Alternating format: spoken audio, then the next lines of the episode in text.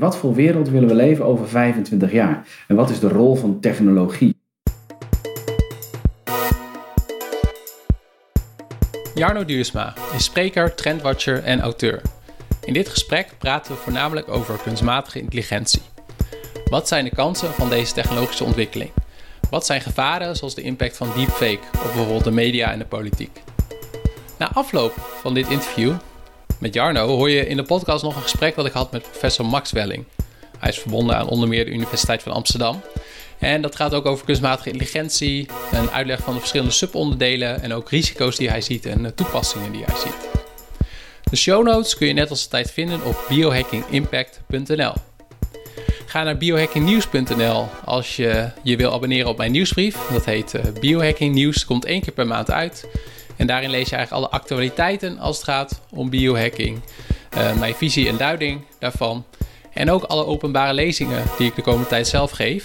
Uh, en een overzicht geef ik nu ook even. Dat is de Census Innovation Day op 30 augustus in Eindhoven. Tech Tuesday 10 september in Utrecht. De Quantified Self Meetup 8 oktober in Utrecht. Het Human Factors Congres op 28 november 2019 in Soesterberg. Het jaarcongres Gezondheidsrecht op 6 december 2019 in Utrecht. En in 2020 inleiding bij de film The Matrix uh, op 1 april 2020 in Groningen. Dus ga naar biohackingnieuws.nl, want daar kun je van al deze dingen die ik net opnoemde ook zien uh, waar het precies is. Uh, of je entree moet betalen, wanneer het is uh, afgelopen, wanneer het begint, etc. Ga vervolgens ook naar biohackingboek.nl om mijn boek te bestellen. Biohacking, de toekomst van de maakbare mens. Er zit een klein onderdeel in over het thema van deze podcast, namelijk kunstmatige intelligentie. Maar het geeft jou dan in ieder geval meer beeld van hoe ik kunstmatige intelligentie zie binnen biohacking. Als je dat onderscheid kan maken. Nou, ik heb dat in het boek wel gedaan. Dus ga naar biohackingboek.nl. Anyway, here we go.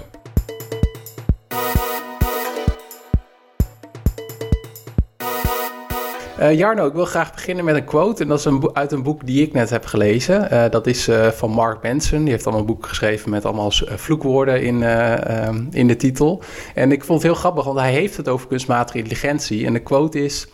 toen Elon Musk werd gevraagd wat volgens hem de grootste bedreigingen van de mensheid waren... antwoordde hij dat hij er drie kon bedenken. Een grootschalige atoomoorlog, het klimaatprobleem...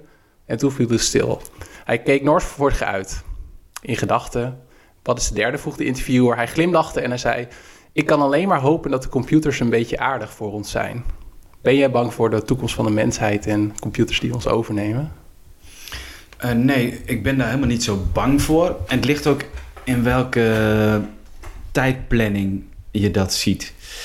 Uh, kijk, dit is een, dit is een groot iets. Hè? Dus de, de, de kwalitatieve groeispurt van kunstmatig intelligente systemen, die uh, is er en zorgt voor heel veel toepassingen. Wij zijn nog bijzonder ver verwijderd waarin uh, kunstmatig intelligente systemen ook maar iets van echte autonomie gaan hebben. Wat Elon Musk impliceert, ik weet niet of hij het zo meent, is dat er ook uiteindelijk iets van bewustzijn zou zijn in machines. ik zie dat niet. Ik weet ook niet waar je moet beginnen. Volgens mij weten we zelf nog niet eens wat het menselijk bewustzijn is. Dus ik ben wel, ik, ik vind het interessant. Ik, waar ik wel bevreesd voor ben, is dat wij uh, doelen programmeren in kunstmatig intelligente systemen, die vervolgens dingen gaan doen en daar komen onvoorziene en onbedoelde uh, negatieve gevolgen uit, wat uh, zorgt bijvoorbeeld voor polarisatie in de samenleving. Dat vind ik een veel groter probleem. Uh, kunstmatig intelligente systemen kun je trainen op basis van voorbeelden uit het verleden. Maar het probleem is dus ook dat ze in dat verleden dan dingen gaan reproduceren die, die bijvoorbeeld vooroordeel bevestigend zijn. Um, een kunstmatig intelligent systeem heeft geen schoonmaakfilter. Een kunstmatig intelligent systeem heeft geen moreel kompas. Dus die reproduceert wat we al heel lang doen. Op basis van voorbeelden. Wij zitten barstens vol vooroordelen. Dus dat zul je, dat, je zult zien dat dat in machines terechtkomt. Um, op het moment dat de meest kwetsbare mensen in de samenleving nadelig beïnvloed worden en de mensen die al veel hebben nog positiever eruit komen, dan zul je zien dat die scheidslijn tussen mensen die echt iets hebben en mensen die niks hebben, dat die scheidslijn ehm, groter wordt.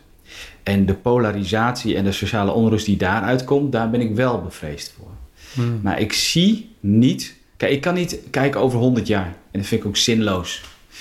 Ehm, ehm, ik, ik roep wel, maar dat roep ik al langer, dus dat mensen wel moeten nadenken van ja, het feit dat je iets kunt maken, betekent nog niet dat je het moet gaan maken. En daar zijn in kunstmatige intelligentie ook heel veel voorbeelden van. En ik probeer soms ook wat te strijden tegen dat soort principes die uh, bijvoorbeeld enkel en alleen een commercieel uh, motief hebben. En dus een, een, paar mensen worden daar veel rijker van. En de, voor de rest van onze samenleving is dat niet goed. Um, en ten tweede zijn, worden er ook gewoon dingen gemaakt die ronduit slecht zijn. Nou, hmm. concreet voorbeeld. Vorige week, het is nu juli 2019. Vorige week was er een app gelanceerd waarmee je Ehm, eh, foto's van vrouwen eh, kon eh, uploaden. En die machine die genereerde dan visuele beelden hoe deze vrouwen er naakt uitzagen. dat was natuurlijk met een aantal celebrities al gedaan. Maar dat is natuurlijk een extreem kwalijk iets. Ook, rond, ook kijk, beroemdheden zijn natuurlijk gewoon mensen. En um, um, ja, dus, dus wie weet waar dat vervolgens wordt ingezet. Uh, het is natuurlijk een hele, die enorm veel ja, eh, chantage of reputatieschade of, of schaamte of noem maar op. Dus ik ben wel heel voor dat je, niet omdat het kan, moet je het doen. Snap je? Dus dat, dat roep ik dan op. Als je het echt hebt over bewustzijn in machines, vind ik op dit moment Hollywood. Hmm, ja, ja. Jarno Duursma, je bent uh, veelgevraagd spreker, uh, auteur van verschillende boeken. Onder andere ook social media en blockchain. En uh, we gaan het zo nog hebben over kunstmatige intelligentie, ook een nieuwe boek daarover. Maar ik was wel benieuwd, ehm, wanneer kwam jij in aanraking met dit gebied en greep het jou?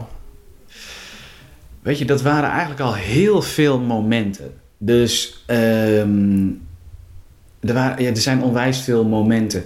Een heel belangrijk moment, die beschrijf ik ook in mijn TED-talk, is wanneer um, ik, mijn tweelingbroer studeerde aan de Hans Hogeschool hier in Groningen. En daar was toen een computerkamer met computers op het internet aangesloten. 1997.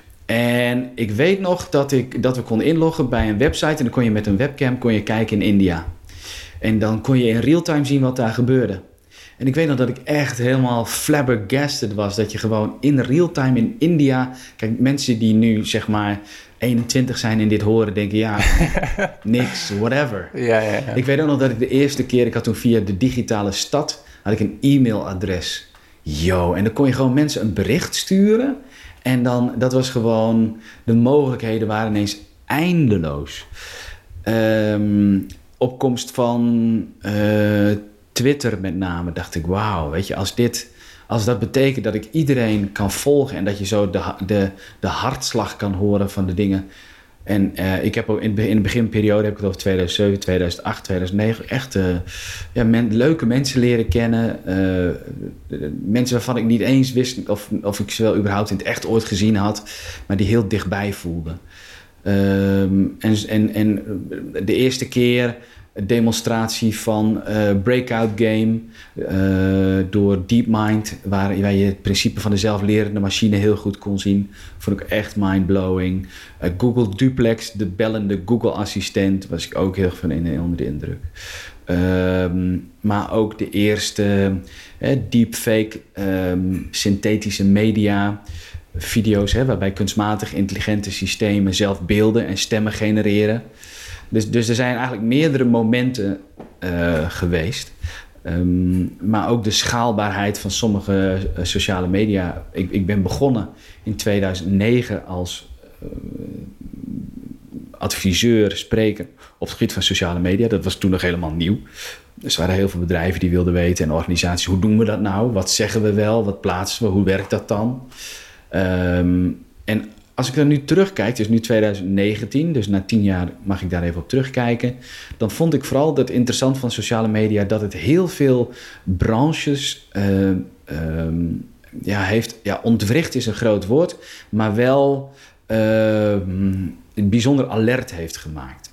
Journalistiek, uh, muziek, media, nou, zo zijn een aantal van die vakgebieden. Of dat uiteindelijk helemaal goed is gekomen, ja, volgens mij kunnen we nu zeggen nee. Weet je? en dat is dan ook een interessante uh, constatering. Hè? Dat als je mijn boek leest uit 2012 over sociale mediastrategie, dan is dat een optimistisch verhaal. Ja. Ehm, daar is nu niet zoveel meer van, van, van over. En, en is het uh, massa uh, surveillance wat door bedrijven als Facebook wordt toegepast. En de voorspellende waarde van hun data is enorm veel waard. Dus dit soort. Ja, en dat is ook de toekomst. Dus jou, jou in, in onze voorbespreking zei je van hoe ziet de wereld in 2030 er dan uit?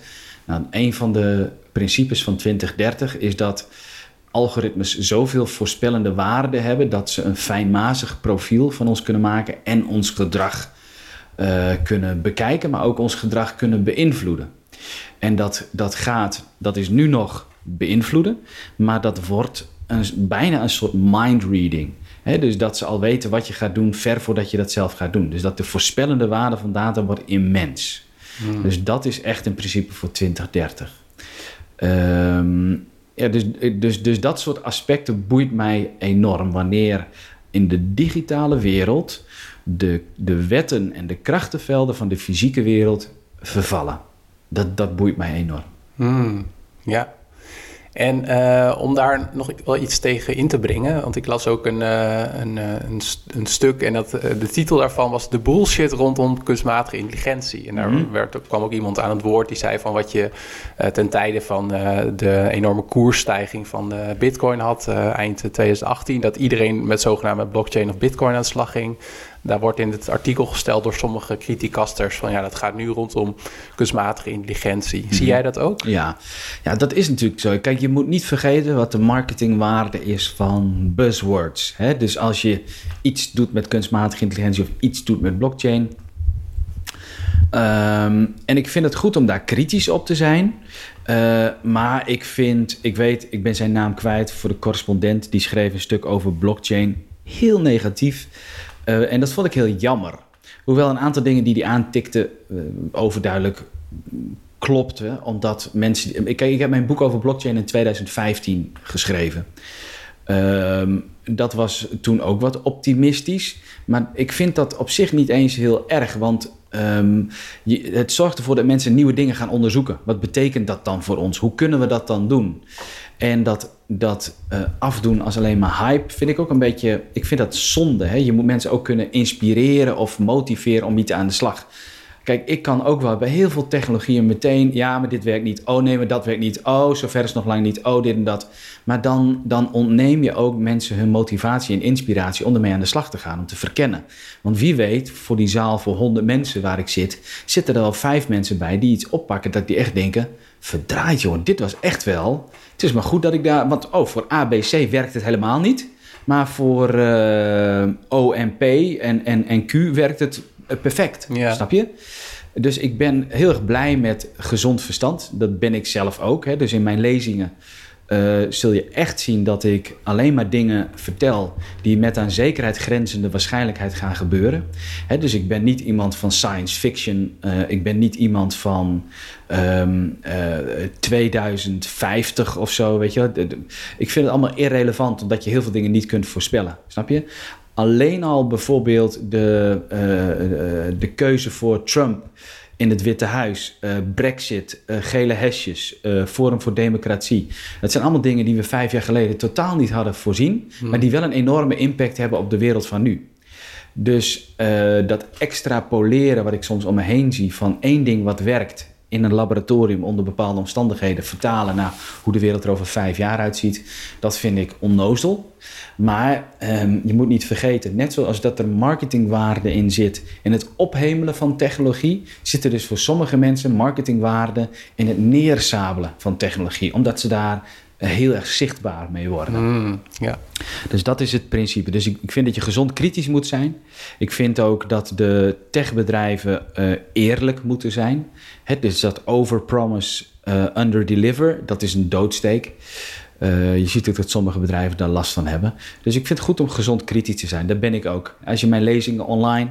Ik heb jarenlang mijn eigen evenement gehad. SMC 050 over digitalisering. Nou, ik was de, de, de grootste criticaster in de zaal. En dat moet ook, hè? dat is mijn rol. Uh, maar je moet het niet... Um, ook, ook dat moet, moet weer niet te ver worden doorgevoerd. Ja.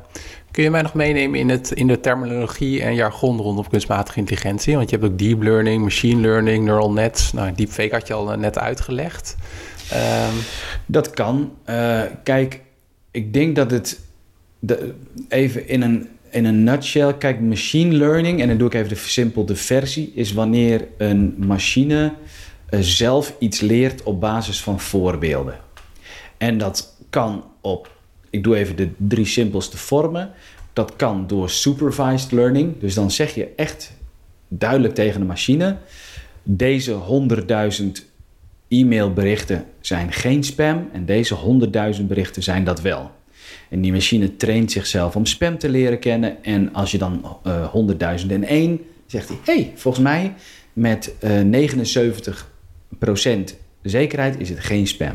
Nou, dat is supervised. Dan heb je nog unsupervised. En unsupervised is interessant, maar moeilijker, omdat unsupervised die clustert zelf mogelijke verbanden. Dus die heeft een enorme set data en of je vertelt de machine ongeveer wat voor verbanden dat zijn, of de machine probeert dat zelf te ontdekken. Daar zijn verschillende gradaties in. En de derde relevante, er zijn onwijs veel, maar dit zijn de meest relevante, is reinforcement learning. Waarbij het systeem dingen probeert te leren en dan op basis van straf en beloning de goede koers ontdekt. dus als een uh, hijskraan aangedreven door software een container ehm, op de verkeerde plek neerzet, krijgt het strafpunten en dan leert het van dit is, ehm, eh, dit is dus niet goed. Veel van wat we nu zien om ons heen is gewoonweg nog supervised learning. Waar mensen hebben geprogrammeerd richting de machine om iets wel of niet te herkennen. Dus dat is wat je veel, want dat, dat kun je ook als mens kun je trainen. Wat is het probleem namelijk met kunstmatig intelligente systemen? Ze snappen vrijwel niks van de fysieke wereld, die voor ons vol zit met logica, maar voor een machine niet. Dus als ik mijn uh, sokken in de la stop en vijf seconden later doe ik die la weer open, dan weten jij en ik, die sokken zitten er nog in. Voor een computer is dat totaal de vraag. Die weet dat niet. Snap je? Ja. Als je een bal omhoog gooit, dan weten jij en ik, die bal die komt weer naar beneden. Oké. Als ik mijn buurmeisje hier twee huizen verderop, als ik die een foto laat zien van een trekker, en we wonen in de stad, hè, dus die heeft echt nog nooit een trekker gezien, ehm, dan snapt zij dat dat een soort auto is, zonder dat ze ooit een trekker heeft gezien als je dat bij een computer, een kunstmatig intelligent systeem, en hij is niet getraind op auto, dan weet hij niet wat dat is. Dus dat is een beetje, uh, dat is onze kracht als mens. Um, uh, zo. En nu worden we ingehaald. Hè? Dus natuurlijk worden de systemen die steeds beter, steeds sneller, met steeds minder voorbeelden dingen uh, herkennen. Nog even een stapje terug. Welke soorten zijn er? Jij noemde deepfake.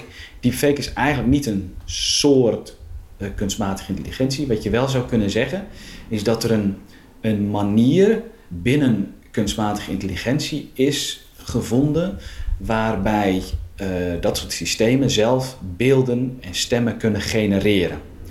En dat uh, doet het systeem op basis uh, van hoor en wederhoor.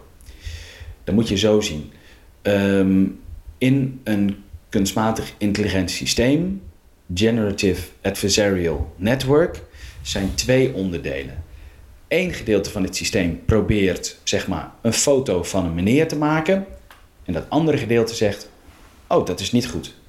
En eh, dan probeert dat, die generator probeert nog een beter beeld te maken. Zegt die discriminator: Nee, dat is nog niet goed.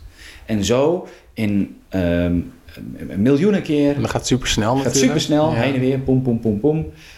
Op basis van trainingsvoorbeelden toetst die discriminator dan, is dit nou goed, de ja of de nee?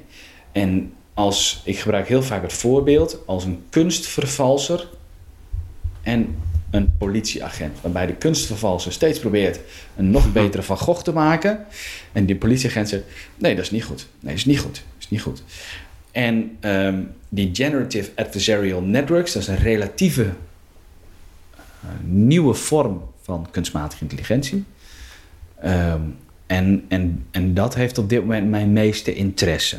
Dus Hmm. waarbij kunstmatige intelligentie systemen zelf beelden of stemmen kunnen genereren. Ja. Ehm, en verder zijn er heel veel. Kijk, eh, voor dit soort. Ik kan redelijk onder de motorkap kijken. Maar ook weer niet. Ik, ben geen, ik heb geen AI gestudeerd aan de universiteit of zo. Hè. Dus alles eh, wat ik daarover weet, heb ik mijzelf eigen gemaakt. Eh, en soms is het ook niet zo heel relevant uit, uit die grote gereedschapskist wat nou precies gebruikt is. Als je maar een beetje snapt, zeg maar, van dit kan wel en dat kan niet.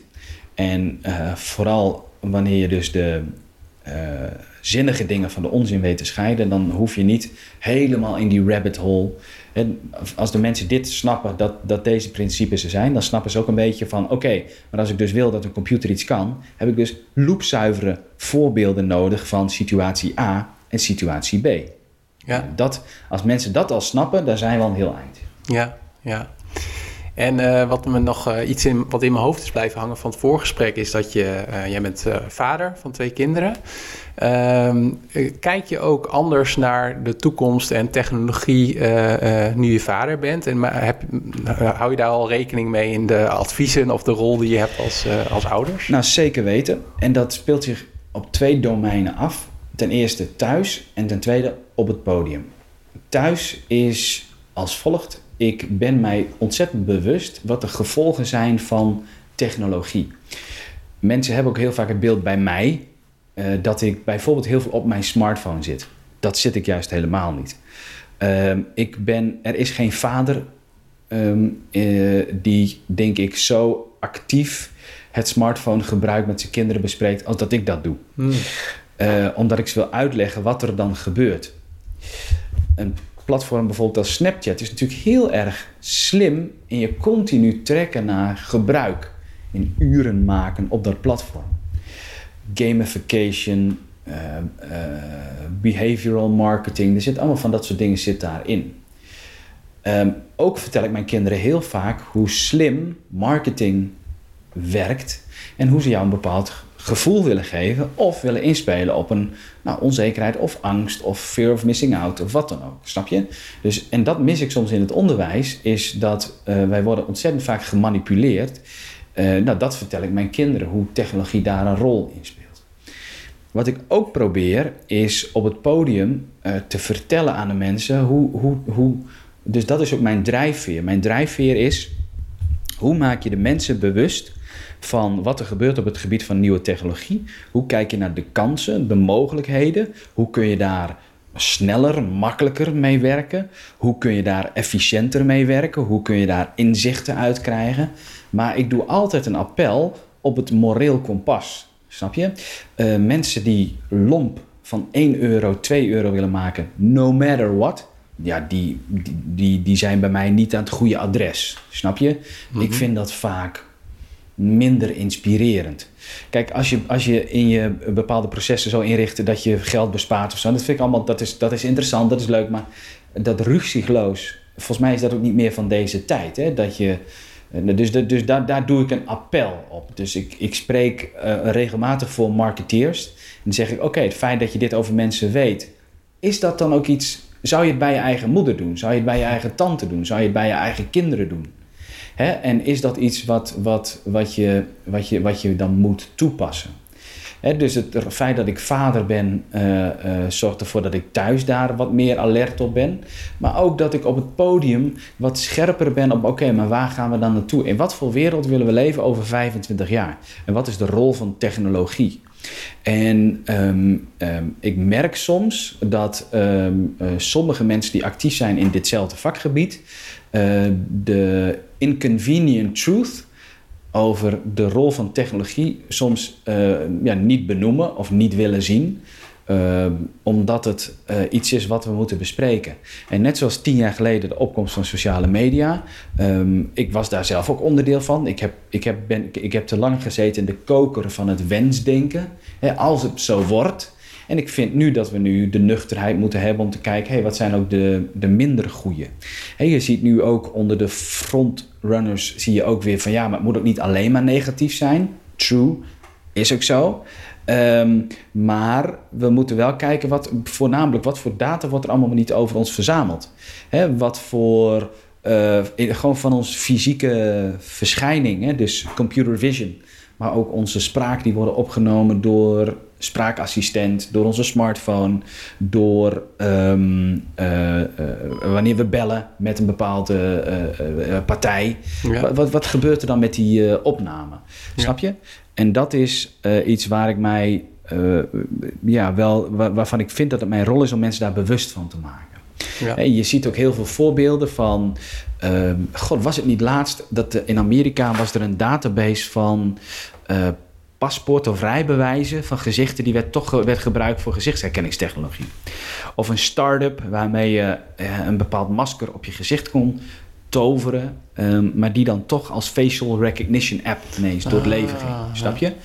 Um, en, en ik geloof dat met dit soort technologie op het moment dat we dat kwijt zijn en dat blijkt dat uit onze stem niet alleen onze leeftijd, ons geslacht, onze etniciteit, onze emotionele toestand, maar ook bijvoorbeeld of we de beginnende tekenen hebben van Alzheimer, Parkinson, noem maar op, posttraumatische stress, depressie.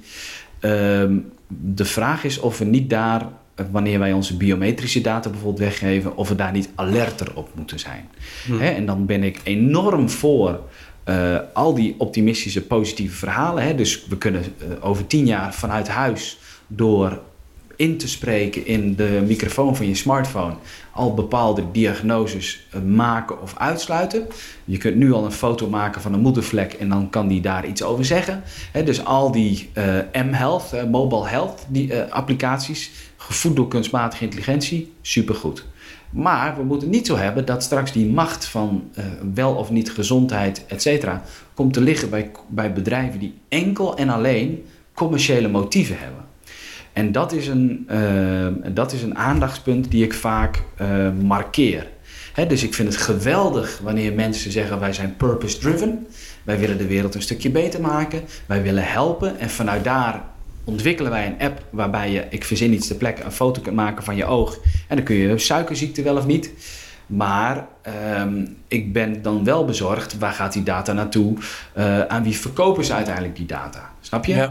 En ik geloof dat uh, de gemiddelde Nederlander, de gemiddelde mens, niet capabel genoeg is om te overzien wat daarmee gebeurt. En dat zeg ik niet, uh, dat zeg ik uit heel veel gesprekken met heel veel mensen. Ik heb vrienden en die zijn vrijwel allemaal HBO of WO geschoold. Als ik met hun praat over dit soort dingen, dan zijn ze 30 seconden met hun ogen aan het knipperen van. Ach, dat zal toch niet. Hmm. Terwijl, nou, jij zit iets meer in het vakgebied, ik zit erin. Ik heb, die zeggen allemaal: ja, dat is een no-brainer. Natuurlijk, hè, die predictive products, dus uh, zaken die worden voorspeld op basis van jouw data, jouw gedrag. Um, dat, wordt, dat is de heilige graal. Bepalen van je emotie op basis van je stem, dat is de heilige graal. Uh, gezondheid bepalen op basis van je stem, dat is de heilige graal. Dat is voor mij crystal clear. Snap je? Dus ik ben, uh, ik ben, ik ben aan het zoeken in de middenweg soms tussen uh, wat, waar benadruk ik de kansen, maar waarbij zeg ik ook van hé, hey, uh, let op, puntje, puntje, puntje. Ja. Dus ik, ik was de, een van de eerste met zo'n Alexa speaker, Google Home, ik heb al die devices, ik heb Apple Watch, ik heb apps, devices, slaap, weet je, al die Kickstarter dingen. Mm. En nu vrijwel niks meer. Hmm. Ik, heb geen, ik heb mijn Alexa staat in de kast. Mijn uh, Google Home staat in de kast. Uh, omdat ik niet weet wat met die data gebeurt. En ik wil voorkomen dat we over tien jaar zeggen... Ah, oh, dus Amazon heeft een health division... waar ze heel goed kunnen bepalen of jij huppel de puppel. En oh, er komt nu software op de markt... zodat, ik verzin iets ter plekke... verzekeraars kunnen bepalen middels een telefoongesprek of jij uh, wel of niet de eerste tekenen hebt van Parkinson bijvoorbeeld. Ja. Weet je? En dit, is, dit klinkt als science fiction, maar technologisch is dat geen science fiction. Omdat gewoon je kunt een machine trainen met, stel je hebt 15.000 uur opname van mensen die in een later stadium Parkinson, nou Parkinson is een spierziekte. Ik wandel nu op een zijspoor, hè? allemaal naar aanleiding van jouw vraag, verandert dat iets eh, eh, nu je vader bent geworden. En dat verandert iets, omdat ik natuurlijk nadenk in wat voor wereld wil ik dat mijn kinderen opgroeien. Ehm, en ik wil vooral dat die wereld dat die, ehm, gelijke kansen biedt aan iedereen. Dat je niet ehm, aan de halsband loopt van technologiebedrijven met enkel en alleen een commercieel motief. Want dat is vaak voor ons allemaal niet zoveel beter. Dus ik probeer iets aan te zwengelen in de wereld, ook in mijn werk. Dat ik kijk, oké, weet je wel, technologie biedt enorm veel kansen. En als ze er zijn, ben ik de eerste die, die, ze, die, die ze ziet. En ik ben ook de eerste die ze roept. Maar we moeten ons niet ehm, soms laten verleiden tot iets heeft een hoger gadgetniveau. Dus dan is dat shiny en dat gaat de wereld alleen maar tof maken. Ehm, en dat zie je ook met de vertaling van nieuwe technologie, waarbij ehm, sommige technologie uh, ons allemaal positief zou kunnen helpen. Maar dat dan toch ineens in een verdienmodel wordt gegoten dat sommige mensen de verleiding van dat grote geld niet kunnen weerstaan. Nou, daar, dat is iets wel waar ik over nadenk. Hè. Dus hoe kunnen we de maatschappij vormen dat, dat de prikkel om dat soort dingen uh, niet alleen maar voor jezelf goed te doen, maar ook voor het collectief uh, uh, dat te doen. Dus ik, ik, ik, ik heb altijd al gewaardeerd en ik hoop dat mijn kinderen dus opgroeien in zo'n wereld waarin veel meer mensen iets doen voor het collectief. En, dat, en niet per se om er zelf rijker van te worden. Um, en, en ik vind heel veel mensen, waardeer ik, omdat ze daarmee bezig zijn. Omdat ze dingen doen waar ze zelf een positief gevoel bij hebben. Waar ze anderen mee helpen. Jij maakt deze podcast. Dat doe je niet in de hardcore eerste zin om daar meteen harde euro's mee te verdienen. Jij vindt het interessant, mm. leuk. En je probeert iets bij te dragen dat mensen iets snappen. Ja. Um, dat soort initiatieven. Ik heb zelf een, een evenement uh, uh, gehad hier in de stad, uh, samen met anderen. Ik was zeg maar de kartrekker en we deden dat met z'n drieën. En dat is een evenement, 60 edities, 7 jaar lang, om de 6 weken, over digitalisering. Waardebepaling achteraf, mensen konden een tientje in de pot gooien of niks, snap je? Ja. Um, um, ik heb dat gedaan uit liefde. Ik heb dat gedaan uit enthousiasme. En in de toekomst ga ik meer van dit soort dingen doen. Ik weet nog niet precies wat, ik heb een aantal ideeën.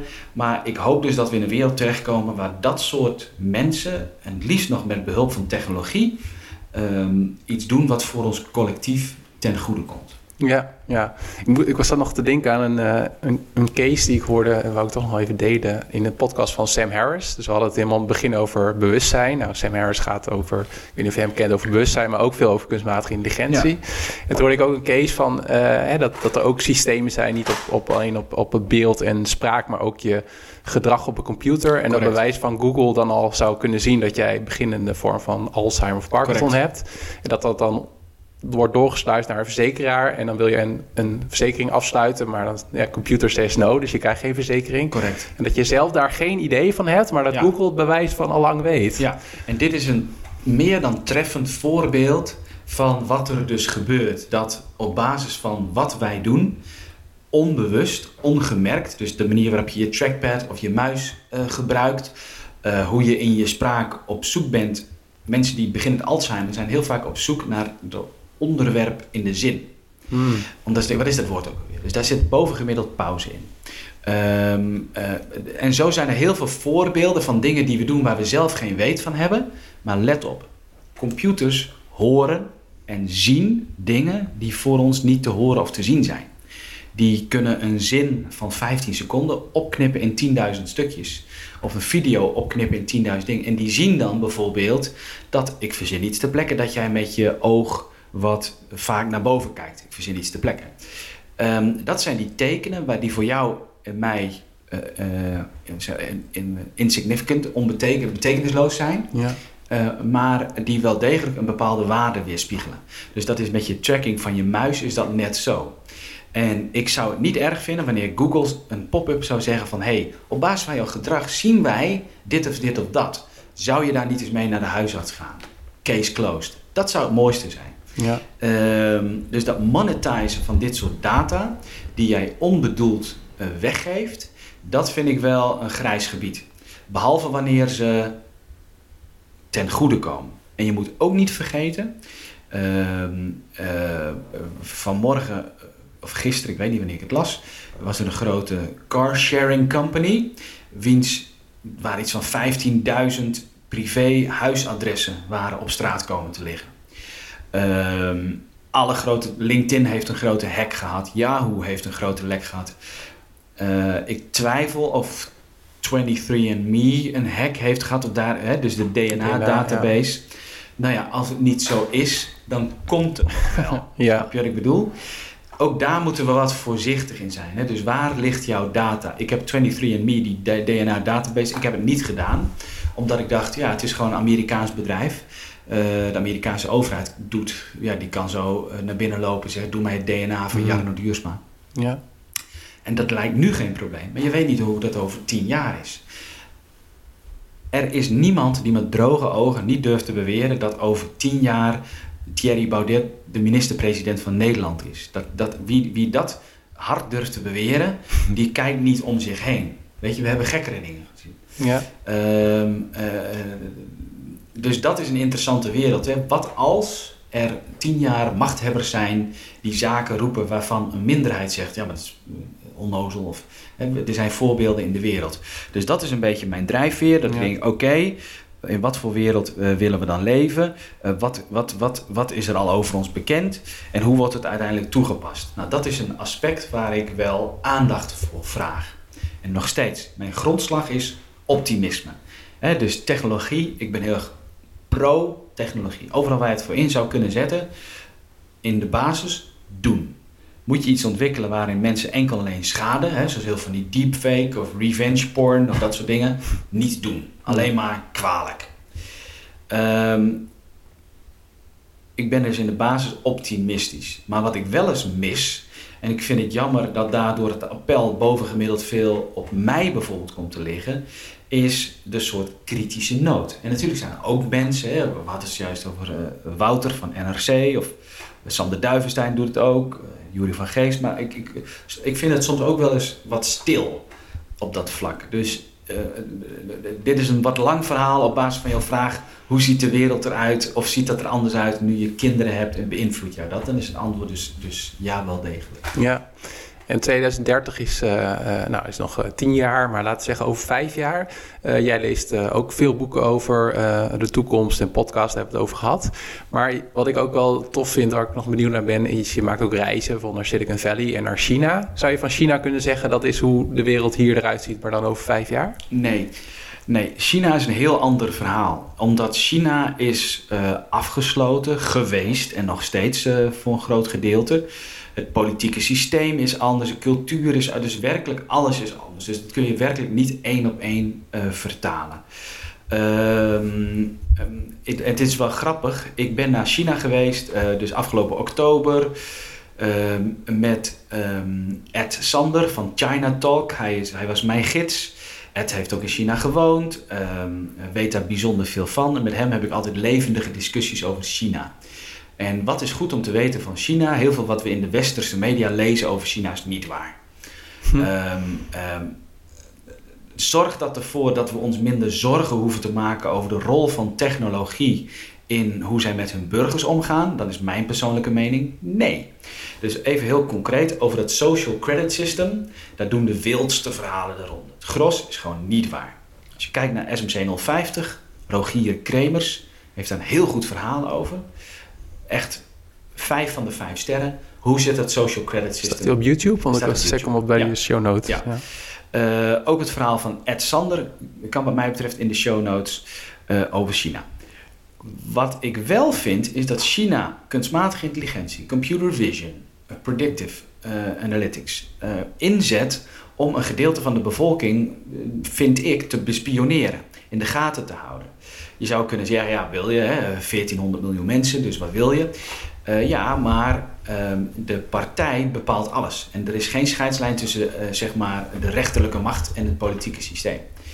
Uh, ook het, de Oeigoeren, hè, hoe daar wordt om, dat wordt door technologie ehm, stevig ingezet. Kijken in je smartphone. Dat. Ik doe geen uitspraak over Huawei. Huawei ik zit daar te weinig in. Maar um, ik vind wel dat we kritisch moeten zijn um, jegens een um, systeem wat uh, de individuele vrijheid veel minder hoog in het vaandel heeft. is Amerika heilig? Nee. Maar je kunt wel, ik was bij het Witte Huis. ehm, Bij Trump. nou, nee, niet bij Trump, maar ik ben voor het Witte Huis geweest. Ik weet niet eens wanneer ik er was. Ja. April van dit jaar. En daar stond gewoon keihard iemand eh, voor het Witte Huis met een heel groot bord. eh, fuck Trump. En die stond daar met een stereo en die stond alleen maar kritiek. Dat, in mijn beleving kun je dat in China niet doen. Nee. Eh, dus je kunt veel van Amerika zeggen, maar tot op zekere hoogte vrijheid van meningsuiting. Anyway, jouw vraag was: is China een kopie over vijf jaar? Nee. Dat is echt niet eens een appel met een peer vergelijken, maar een appel vergelijken met een whatever, verzin een object. Maakt niet uit. Nog niet eens een Nee. wel. Ehm, dus, dus dat is niet zo. Wat je wel ziet, is dat China heel hard gaat op het gebied van kunstmatige intelligentie. Ze hebben minder regels rondom privacy. Ze hebben een hele grote bevolking die enorm verslaafd is aan eh, social media gebruik, eh, smartphone gebruik. Dus daar gaan ze enorm hard in. En daar worden we over een paar jaar ingehaald. Op zo'n kleine aspectjes. Is dat al zo? In de long run domineert China samen met Amerika, eh, nou, Rusland, eh, eh, ook wel nou, dat domein. En het is niet voor niets dat die landen die zo actief inzetten op kunstmatige intelligentie ook het wereldtoneel willen domineren. Noord-Korea, Iran, Rusland, China, Amerika. Dat zijn een beetje de, de landen die daar heel actief op inzetten. Ja. For a reason. Snap je? Ehm, dus het is een spannende tijd die we tegemoet gaan. Eh, ook op het gebied van eh, cyberattacking, cyberwarfare. Ehm, ja, gaan we daar best wel een, bijzondere tijd tegemoet.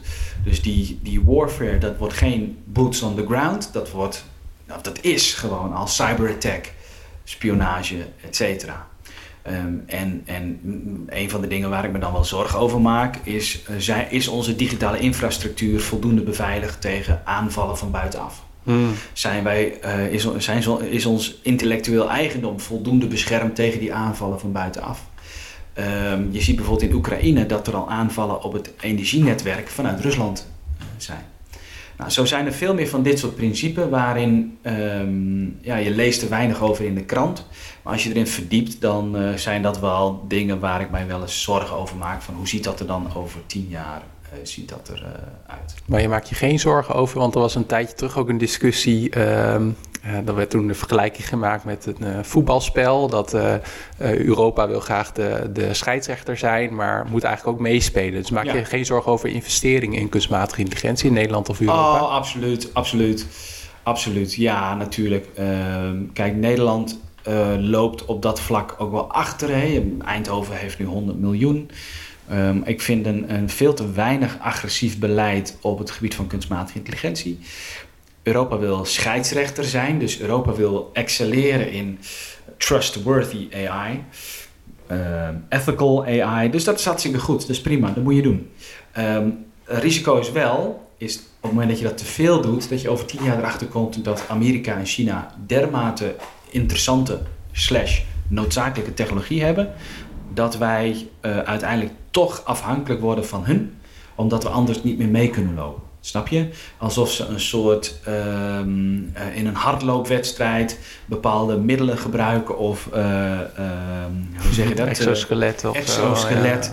En dat hij denkt, oké, willen we toch nog mee kunnen rennen, dit als metafoor. Ja. Dus ik ben heel erg voor ethisch gebruik. Tegelijkertijd, weet je, de wereld is geen, eh, eh, geen perfect plaatje. Dus ja, dat, dat, dat is iets waar ik me wel eens wat zorgen over maak. ja. Eh, het betekent niet dat we die rol niet moeten pakken. En dat we die met verve moeten uitdragen. Eh, maar je ziet dat Europa gewoon enorm versnipperd is. En dat is het probleem. Met iedere land eigen belangen. Ja, dus dat is, eh, dat is een uitdaging. Ja. Laatste deel van de podcast wil ik het graag hebben over je nieuwe boek. met de titel Algorithms in, Humans Out? Vraagteken. In welke mate is het, eh, lijkt het of is het anders van bijvoorbeeld het idee van, eh, ik weet niet wie daar ook alweer achter zit, eh, Team Human of het, wat Gerd Leonard heel erg uitdraagt van Technology versus Humanity. Kan je daar iets over zeggen? Ja, het concept van mijn nieuwe boek ehm, Algorithms in Humans Out. How to stay human in the era of artificial intelligence. Ja, misschien is de ondertitel duidelijker. Ja. Ja, Ja. en, ehm, en dat, dat, dat zit in de, in de volgende uitdaging. Ehm, en wat zie je is dat technologie wordt steeds belangrijker. technologie, met name kunstmatige intelligentie, snapt steeds beter wie wij zijn, wat we doen, waarom we dat dan doen en waarom we dat belangrijk vinden. Ehm, technologie, kunstmatige intelligentie neemt steeds meer menselijke vaardigheden van ons over. Kijken, luisteren, spreken, etc. Waarom? De business case is glashelder. Hè? Dus op het moment dat je iets kunt vervangen door software, schaalbaar, uh, wat nu heel veel mensen in de fysieke wereld doen, ja, dan heb je een business case, want dan bespaar je gewoon mensenkracht mee. Kun je efficiënter werken of zelfs soms mensen vervangen. Dus die, die wedloop om mensen hun vaardigheden te vervangen, dat is uh, heel helder. En dat is vaak ook heel goed, want mensen doen heel vaak routinematig werk. Saai, suf. Um, en ik vind het leuk dat technologie dat vervangt, omdat mensen dan worden uitgedaagd om nieuwe dingen te doen. Om het beste uit zichzelf te halen. Soms doen mensen ook heel vaak routinematige dingen omdat het veiligheid en zekerheid verschaft. En omdat ze, niet, omdat ze vaak onterecht doen dingen dat ze denken dat ze dingen niet kunnen. En ik ben heel erg uit je comfortzone. Dat, dat doe ik bij mezelf ook heel vaak, omdat ik dan erachter kom: oh, dat, dat kan ik gewoon. Snap je? Dus er zijn heel veel dingen in mijn leven die ik dan doe. Uh, en waar ik achter kom, ja, dat, daar rol ik gewoon mee. Dat is, dat is, dat is geen probleem. Um, dus ik gun het andere mensen dat ze door technologie buiten hun comfortzone worden gedwongen. Ik vind het ook helemaal niet erg, uh, wanneer we het hebben over de toekomst van werk in het licht van kunstmatige intelligentie, dat mensen zeggen, ja, maar daar lig ik soms s'nachts wakker van. Ja, dikke prima, hartstikke goed. Ik lig ook. Eén keer per maand lig ik s'nachts eens wakker, dat ik denk, oh man, reden X, Y, Z. Mm Weet je wel? Of... Uh, Oké, daar kan ik over uitweiden, maar ik doe het niet. maar dat is interessant, hè? Dus, dus ik vind die, dat, die, die, dat, dat ongemak, dat discomfort, vind ik heel waardevol. Ja. Vind ik enorm waardevol, omdat het, het is een kickstart tot zelfreflectie, het is een kickstart tot nieuwe stappen zetten. Dus ik vind het feit dat technologie ons oncomfortabel maakt, vind ik vaak heel goed. Um, als we kijken naar het, hoe blijf je dan menselijk? Dan zijn daar ehm, twee aspecten uh, belangrijk. Dus mijn appel, en dat vertel ik ook in mijn TEDx-talk, zijn er twee aspecten. Je, eigenlijk in de basis moeten wij meer mens worden. Om ons te kunnen blijven onderscheiden ten opzichte van nieuwe technologie. Dit klinkt uh, eenvoudig, en dat is het in de basis ook. Wij moeten ten eerste um, heel veel dingen gaan doen die kunstmatig intelligente systemen niet kunnen. Waar hebben we het dan over? Creativiteit, out of the box denken, kunnen generaliseren, dingen uit de fysieke wereld kunnen toepassen uh, uh, op nieuwe concepten, uh, lange termijn planning. Al die dingen kunnen kunstmatige intelligentiesystemen niet. Daar kun je zo een lijstje van maken, 20 dingen. Oké, dat moeten we gaan doen. Ten tweede, oh nee, nog even mijn verhaal afmaken. Wat je als mens, als individu moet doen daarin, is kijken: oké, wat kunnen kunstmatige intelligente systemen niet? En wat ga ik in mijzelf trainen? Waar ga ik mezelf goed in maken? Wat in mijn diepste kern drijft mij? Wat maakt mij enthousiast? Wat motiveert mij? Wat, wat zorgt ervoor dat ik alsmaar ga? Op welk onderwerp sta ik altijd aan? Nou, en bij mijn persoonlijke motivatie is hoe gebruik ik zeg maar digitale technologie? Of welke impact kan het hebben om de wereld beter te maken? Of hoe kunnen we dat positief? Of hoe kunnen heel veel mensen daar voordeel uit hebben? En hoe kan ik de mensen soms waarschuwen voor, voor de negatieve kant? Oké, dus mijn nieuwsgierigheid is een enorme drijfveer. Dus dat ontwikkel ik. Um,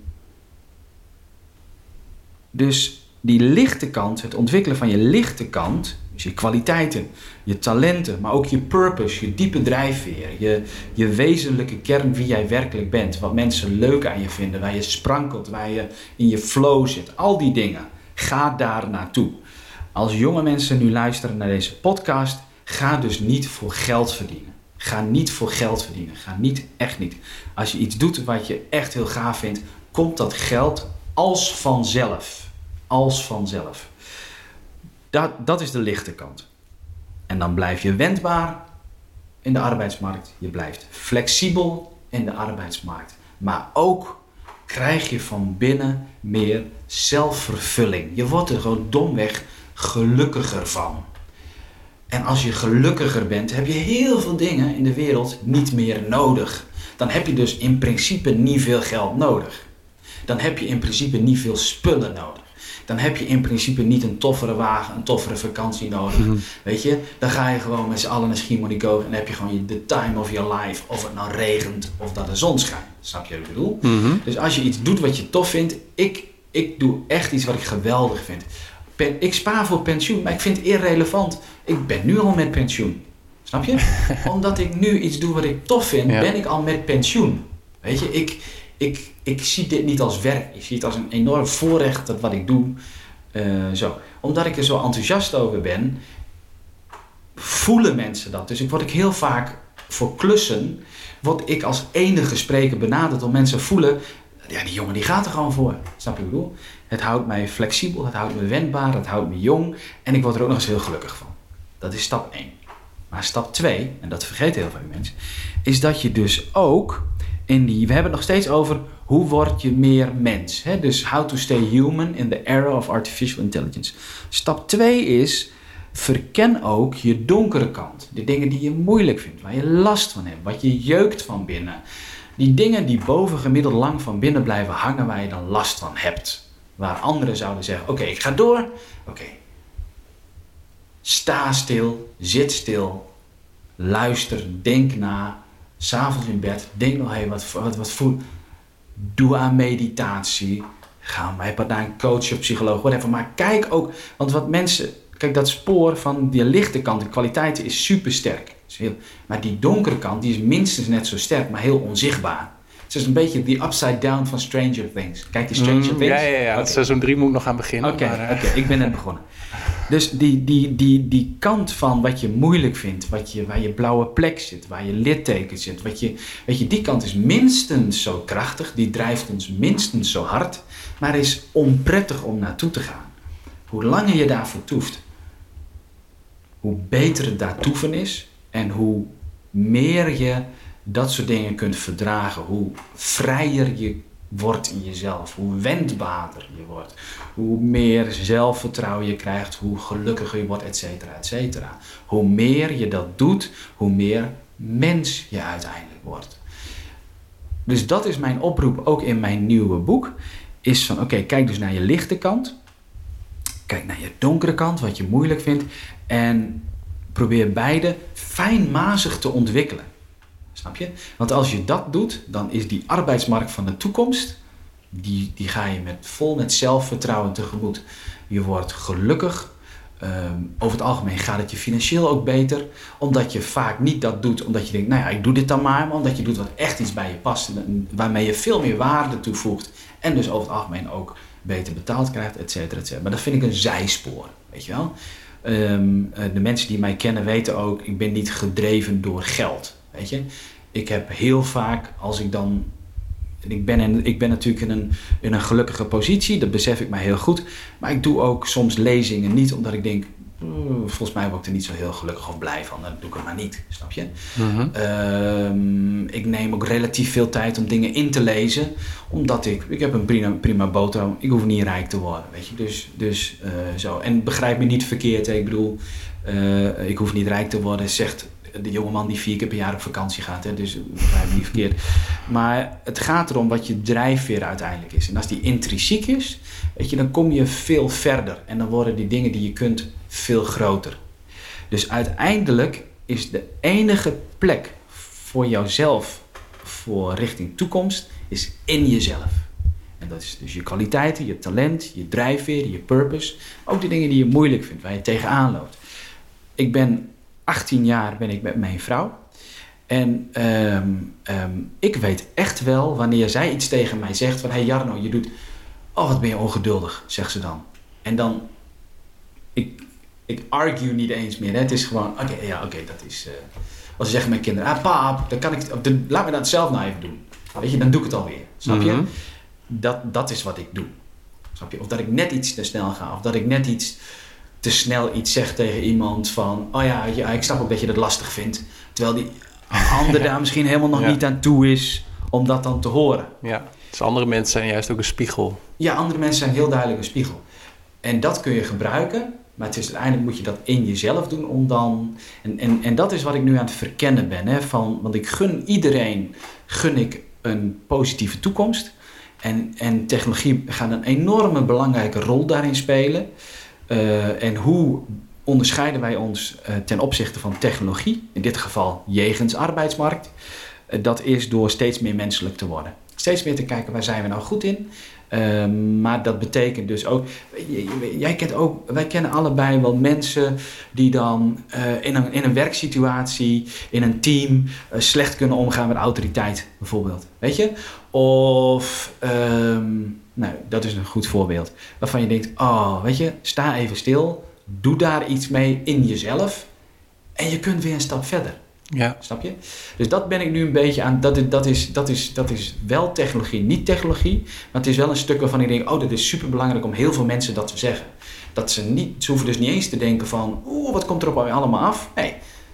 Als je dat van binnen goed regelt, of daar aandacht voor hebt, dat uh, verzorgt, dan, dan, dan, dan is die wendbaarheid als vanzelfsprekend. Dus dat ben ik nu voor mijn boek uh, wat aan het uh, verkennen. Ja, wel interessant, omdat ik, ik denk dan aan algoritmes, want juist die donkere kant, ik vind dat zelf ook moeilijk om daar af en toe ook bij stil te staan. En dan kan al, social media algoritmes kan ook een hele welkome afleiding zijn, want dan hoef je zeg maar, hoef ik even geen toegang te hebben tot mijn eigen donkere Wat jij nu schetst is, is super interessant. En waarom?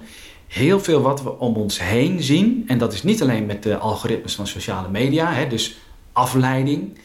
Uh, in heel veel zaken om ons heen zit afleiding voor mensen om dus maar niet naar binnen te hoeven kijken.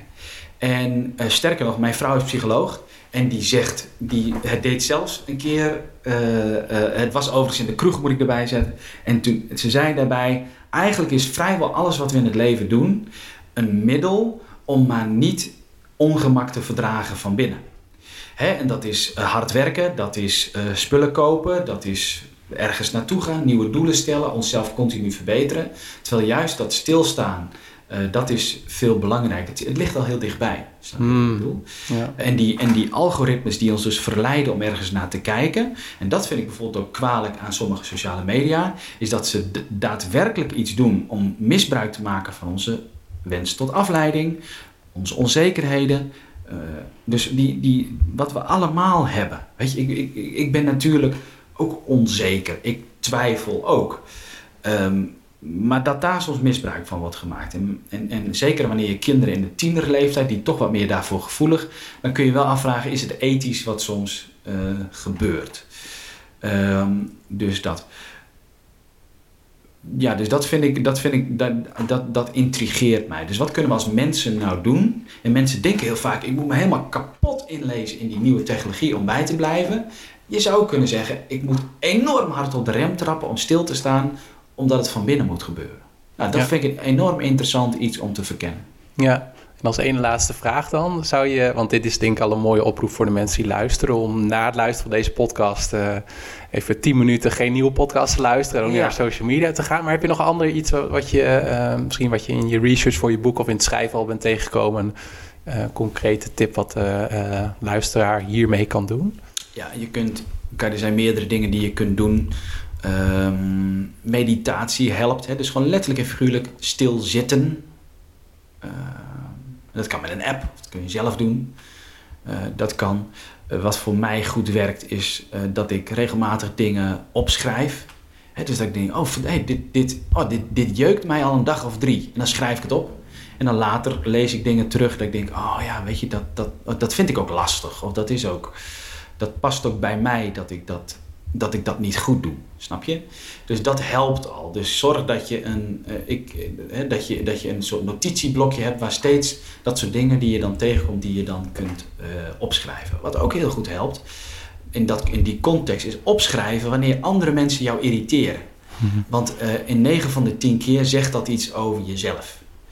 Um, en nou weet je, dus, dus zo zijn het tips uh, ik, ik, ik, ik, ik ben op geen enkele wijze een psycholoog. Ik, ik pretendeer dat 0% te zijn. Maar ik vind het wel heel interessant om dat te verkennen. Mm. He, omdat ik geloof dat technologie uiteindelijk die mogelijkheden worden zo groot dat wij steeds meer worden teruggeworpen op wie wij zijn. Individueel en met z'n allen. Ehm, dus dat, uh, ik vind dat interessant om te verkennen. Ik moet wel zeggen, ik ben nu begonnen in het schrijven van dit boek. Ik ben nog wel, wel het boek gaat veel trager dan dat ik, uh, want het is niet mijn domein. Ik wil ook niet te veel buiten mijn eigen uh, deskundigheid opereren. Dus ik ben nog wel heel erg aan het zoeken van hoe, hoe krijgt dit dan zijn vorm. Um, dus dat is nog wel iets. Hè, dus het was in planning eind 2019, dat ga ik niet halen, maar het is wel kijken wanneer dan wel, zeg maar. Ja. En als mens, ik zal zo een link opnemen natuurlijk naar je boek en je site. Maar zijn er andere um, links, social media uiteraard, waar mensen jou kunnen volgen of contact met je kunnen zoeken? Ja, dat kan uh, vanzelfsprekend jarnoduursma.nl, uh, Jarno Duursma op Twitter. Op LinkedIn kun je me vinden, kun je me toevoegen, dat vind ik leuk. Uh, zo, goed ook nog even voor de luisteraars. Het is nu juli 2019 in september 2019 komt mijn rapport uit over deepfake en synthetische media. Waar we het hadden, hè, die Generative Adversarial Networks. Um, die komt gratis op mijn website. Kunnen mensen die een PDF kunnen ze hem downloaden. En dan kunnen ze lezen over kunstmatig intelligente systemen die zelf beelden genereren, stemmen genereren, et cetera. Uh, wat daar de mogelijkheden op dit moment zijn wat dat impliceert en wat de oplossingen daarvan zijn. En daar zit een, ook een insteek in voor bedrijven natuurlijk rondom reputatieschade of dat soort dingen, maar ook uh, de mogelijkheden, wat kun je daar dan mee? En ik doe een appel richting journalistiek, omdat natuurlijk wanneer je nep videobeelden, stemmen kunt genereren, hoe blijf je als journalist dan, uh, hoe, hoe bied je dat het hoofd? Hè? Dus hoe ga je daarmee om? Dus dat is iets uh, wat ik nog noemen waard vind. En die is waarschijnlijk in september ergens 2019 te downloaden vanaf mijn site.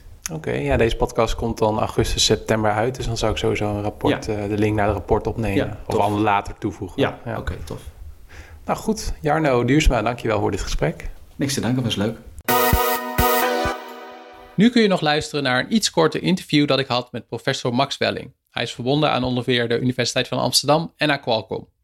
En we praten eigenlijk ook weer over kunstmatige intelligentie. Een uitleg van de verschillende subonderdelen die daaronder vallen. Uh, en ook gevaren die hij ziet, onder meer rondom privacy. En ook mogelijke toepassingen van kunstmatige intelligentie. Heel veel plezier. Um, ik ben hier vandaag met Max Welling, uh, hoogleraar aan de UvA, machine learning en ook betrokken bij Qualcomm.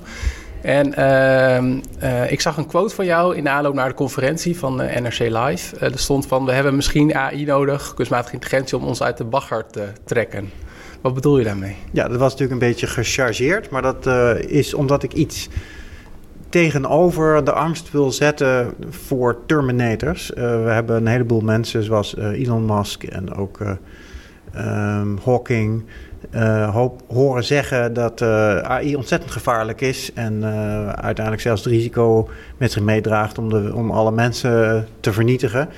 Um, ik vind dat heel ver gaan. En um, ik wil er eigenlijk tegenover stellen dat er veel dringender vragen zijn waar we ons mee moeten bezighouden. En die ook veel gevaarlijker zijn voor de mensheid, zoals klimaatverandering enzovoort. Um, en dat technologie ons eigenlijk kan helpen daarmee, om ons daar uh, zeg maar uit te helpen. Uiteindelijk um, is technologie heeft natuurlijk uh, zeg maar, moeilijke, uh, zeg maar, schadelijke kanten, maar ook hele mooie kanten. En eigenlijk de dingen die nu op onze weg liggen, de grootste risico's zijn toch vooral de risico's die wij onszelf aandoen. Klimaatverandering, politiek. Um, en ik denk dat technologie um, eerder op dit moment ons kan helpen met die problemen op te lossen, dan dat ik me zorgen maak over dingen die wellicht nog heel ver in de toekomst zijn, of daar ooit relevant worden in die hele verre toekomst. Um, en waarin de wereld er dan ook weer heel anders uitziet. En waarin die vragen die we ons nu daarover stellen eigenlijk al niet meer zo heel relevant lijken dan. Wellicht zijn we dan volledig geïntegreerd met technologie en is het veel meer veel minder een robot die tegenover ons staat, maar meer een zeg maar, technologie die geïntegreerd is in ons. En dan denken we, god ja, die mensen in de 21ste eeuw hielden, hielden zich bezig met die rare vraag, maar die is eigenlijk helemaal niet meer relevant nou. En um, dit boeiende van je lezing is dat het uh, uh, ook over drie vormen ging waarin artificial intelligence wordt getraind. Uh, als ik me goed herinner, supervised, unsupervised en de derde was... Reinforcement. En wat houdt de derde ook alweer in? Dat is dat je dus een systeem hebt wat ook kan, uh, zeg maar, kan experimenteren in de wereld. Dus kan acteren, dingen kan veranderen, kan besluiten welke data die gaat verzamelen. Dus moet je denken aan een soort van robot die dingen kan doen, de wereld kan veranderen. Ehm, en die wordt getraind door te kijken naar de feedback die die uit die wereld krijgt. Dus uh, als dingen goed gaan, ja, als ik eten in mijn mond stop, als ik honger heb, dan krijg ik een fijn gevoel. Dus dat is een beloning, dat, gaat, dat is blijkbaar belangrijk. Ja. en als ik uh, met mijn hoofd tegen een muur loop, doet het pijn. Dus dat moet ik dan niet meer doen. En zeg maar, op die manier kan je zo'n systeem trainen door, er, door ervaringen. Ja, en is dat derde, dat is ook het, het voorbeeld van uh, DeepMind dat AlphaBlue heeft, nee... AlphaGo. Ja, AlphaGo, uh, de AlphaGo computer van DeepMind die een mens heeft verslagen. Is dat een voorbeeld van die derde categorie? Ja, dat is reinforcement learning. Daar is de, de wereld is heel simpel. De wereld is een, uh, een spelletje, een bordspel, hè, Go. Uh, dus niet zo gecompliceerd als de wereld waarin wij leven. Die kan je goed simuleren in een computer. Maar het algoritme wat daaronder ligt, namelijk heel veel doen, heel veel spelletjes spelen. In dit geval tegen zichzelf. Um, en dan kijken welke zetten goed uitpakken. Uh, dat, zijn, dat is de manier waarop zo'n systeem zichzelf traint. En dat is reinforcement learning. En dat is natuurlijk heel lastig, want als ik nu een zet doe in het begin. en ik krijg pas op het allerlaatst. weet ik of ik win. Dus dan moet ik dus op de een of andere manier. is dat ja. nog goed? dan gaan we gewoon hiermee door. Oké, okay, dan gaan we gewoon uh, verzinnen. Dus, dus wat je moet doen is. dus je moet nu verzinnen. Um, dat uh, de zet die je nu deed. over 100 zetten een positief effect heeft gehad. En dat is natuurlijk heel ingewikkeld om dat goed te trainen. Ja. Uh, maar, uh, maar ja, dat is wel het, uh, zeg maar, het, de, zeg maar, de probleem waar je, waar je voor staat. Dus, ja. dus dat, dat de beloning pas heel laat komt. Ja.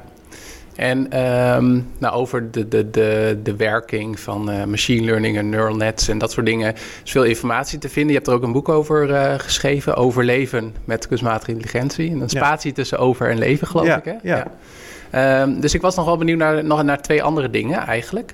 Uh, namelijk over de maatschappelijke consequenties, of zoals jij dat uh, noemt, de uitdagingen. Uh, en ik wil graag beginnen met de arbeidsmarkt. want ja. in jouw lezing zeg je van nou, op middellange termijn verwacht ik juist dat er banen bij komen. Ja. Want heel veel mensen hebben het dystopisch toekomstbeeld, of misschien nog het utopisch toekomstbeeld, dat, we, dat er straks geen banen meer zijn. Kun je dat toelichten? Ja, dus je kan eigenlijk, als mensen erover praten, dan zeggen ze vaak niet over welke termijn ze denken. En, en dat is denk ik een fout. Um, dus op de korte termijn um, zal het waarschijnlijk zo zijn um, dat er wel een aantal mensen zeg maar, hun baan moeten aanpassen. Of sommige banen zullen ook wel uh, verdwijnen. Zoals een, een vrachtwagenchauffeur zullen er waarschijnlijk minder van nodig gaan hebben. Ja. maar uh, ik denk op de middellange termijn, als we, de, als we de kansen gaan zien die bij AI horen, uh, komen er weer ineens een heleboel nieuwe mogelijkheden en kansen bij. En die worden weer opgepikt door mensen die de skills hebben op dat moment. Dus als de mensen uit de opleidingen komen, gaan ze op een andere manier nadenken over de en gaan ze de mogelijkheden zien. En dan komt er weer een heleboel nieuwe economische activiteit, ontwikkelt zich daar omheen. En dan kan je nog nadenken over de hele lange termijn. Dus als je werkelijk zover bent over 100 jaar of meer, dat je robots kan maken die echt alles beter kunnen dan mensen. Uh, dan zou de productiviteit enorm zijn toegenomen. Dus dan kan je eigenlijk alles instantaan maken. Maar de vraag is dan natuurlijk nog wel of je het nog aan een mens wil overlaten. En dan denk ik dat we gewoon uh, ja, onze hobby's uh, gewoon moeten doen waar we zin in hebben. En ik denk dat we daar ook wel ons op kunnen aanpassen verder. Dat we minder harde noeste arbeid doen, uh, maar meer uh, zeg maar uh, softe arbeid. Met samen zijn met mensen, emotioneel ondersteunen misschien. Of, of, of, gewoon dingen doen waar je zin in hebt. Ja. Maar dat is op de echte hele lange termijn. Ik denk dat echt op de relevante korte en middellange termijn zul je zien dat een aantal mensen hun banen gaan veranderen in ieder geval. Van een, van een groep mensen ook gaan verdwijnen. Uh, maar ook weer aan de andere kant een heleboel nieuwe mogelijkheden en banen erbij gaan komen. Ja, dus je bent heel erg uh, optimistisch eigenlijk over de toekomst. Maar je schetst ook al een paar uitdagingen. Uh, bijvoorbeeld over privacy en um, algoritmes. En die bijvoorbeeld voordelen kunnen uitvergroten. Eén ding wat mij, wat mij bij mij heel erg triggerde. Is dat je zei van bedrijven die gebruik maken van aanbevelingssystemen. Zoals Amazon en Bob.com en Spotify en Netflix. die, dat zijn de winnaars. Maar je zei ook in een soort van tussenzin. Dat geldt ook voor de mensen die daar gebruik van ja, maken. Dat, dat zou zomaar eens kunnen, ja. Nou ja, als ik uh, goed naar mijn, uh, zeg maar naar mijn uh, en GPS-systeem luister, dan kom ik toch echt sneller aan op de plek waar ik moet zijn. dus uiteindelijk zullen de mensen die zich laten leiden door dit soort systemen, die hun keuzes laten, zich in, in hun keuzes laten leiden, Ehm, of bedrijven die luisteren naar systemen die eigenlijk gewoon heel uh, objectief doorrekenen wat het beste is voor een bedrijf. En zich niet laten leiden door de emotie van de CEO bijvoorbeeld. Uh, die zullen succesvoller zijn, denk ik. En uiteindelijk zullen we dus leren te gaan luisteren naar die systemen. Want dat maakt ons en bedrijven en degenen die ermee werken of organisaties succesvoller. En dan denk ik dus dat je, ja, dat je dus, dus, dat je dus denkt dat je de mogelijkheid hebt om dat niet te doen, maar dat uiteindelijk we toch naar een plek toe gaan waar we allemaal wel gaan gebruik maken van die systemen. Ja, ja dat vind ik heel boeiend. Want de eerste reactie die ik daarbij kreeg is van ja, ik uh, heb mijn uh, intuïtie en mijn gut feeling. Maar je zegt van nou, hoe meer systemen beter worden. En volgens mij schrijft Harari dat, uh, Yuval Noah Harari dat ook. Van je kiest één keer de, bij wijze als je wil navigeren. Dat je denkt van ik kijk er ja. niet naar en dan kom je in de file. Ja. En dan doe, doe, je het wel en dan kom je wel. En dan ga je in de toekomst ga je elke keer zo'n app gebruiken. Ja, ik denk absoluut dat, dat wij gaan leren die systemen te vertrouwen. Langzaam zeker. Maar dat zelfs met een vliegtuig. Hè. Ik bedoel, ja, een vliegtuig is een raar ding. Ik weet eigenlijk niet, helemaal niet hoe het werkt. Uh, maar ik wil wel heel graag uh, binnen een uur uh, zeg maar in Zuid-Frankrijk zijn. Ja, dan kan, ik, dan kan ik erin stappen, ook al weet ik niet hoe die begrijpt. En uiteindelijk leer ik te vertrouwen dat die vliegtuigen niet met bosjes uit de lucht vallen. En dat het dus wel oké okay is. Ook ja. al begrijp ik hem niet. En dat is, ja, dat is interessant. Ja, maar het vereist dus wel voor ons als gebruikers, consumenten, patiënten, et cetera, ook dat we ook dat vertrouwen kunnen hebben. Want de technologiebedrijven die heel veel voorbeeldsmatige intelligentie gebruiken, maken, zitten nu ook wel onder vuur vanwege. En dat is ook echt terecht, vind ik. Want op dit moment wordt ook een heleboel data misbruikt. Dus de data wordt binnengehaald, komt in Amerikaanse handen terecht bij een van de bedrijf die het dan weer doorverkoopt. Uh, dus ja, als jij bij uh, 23andMe uh, je DNA hebt neergelegd, dan blijkt nou weer dat het is doorverkocht naar een ander bedrijf. Nou, dat, zijn, dat, dat moet niet kunnen, zou ik zeggen. Dus daar moet goede regulering omheen worden gemaakt. Dus de EU doet een poging. Um, en dat is een hele zoektocht. Dus dan moeten we niet zeggen: dit is het en, uh, en, en, nu niet meer en nu niet meer veranderen. We moeten continu in discussie blijven en die wetten aanpassen zodat ze en praktisch zijn, zodat we en de vruchten kunnen plukken van AI, maar ook ons beschermen en onze data beschermen. En zeker ook naar, naar bedrijven en buitenlandse zeg maar, uh, overheden toe. Ja, hartstikke goed. Dankjewel voor dit gesprek, Max. Oké, okay, graag gedaan.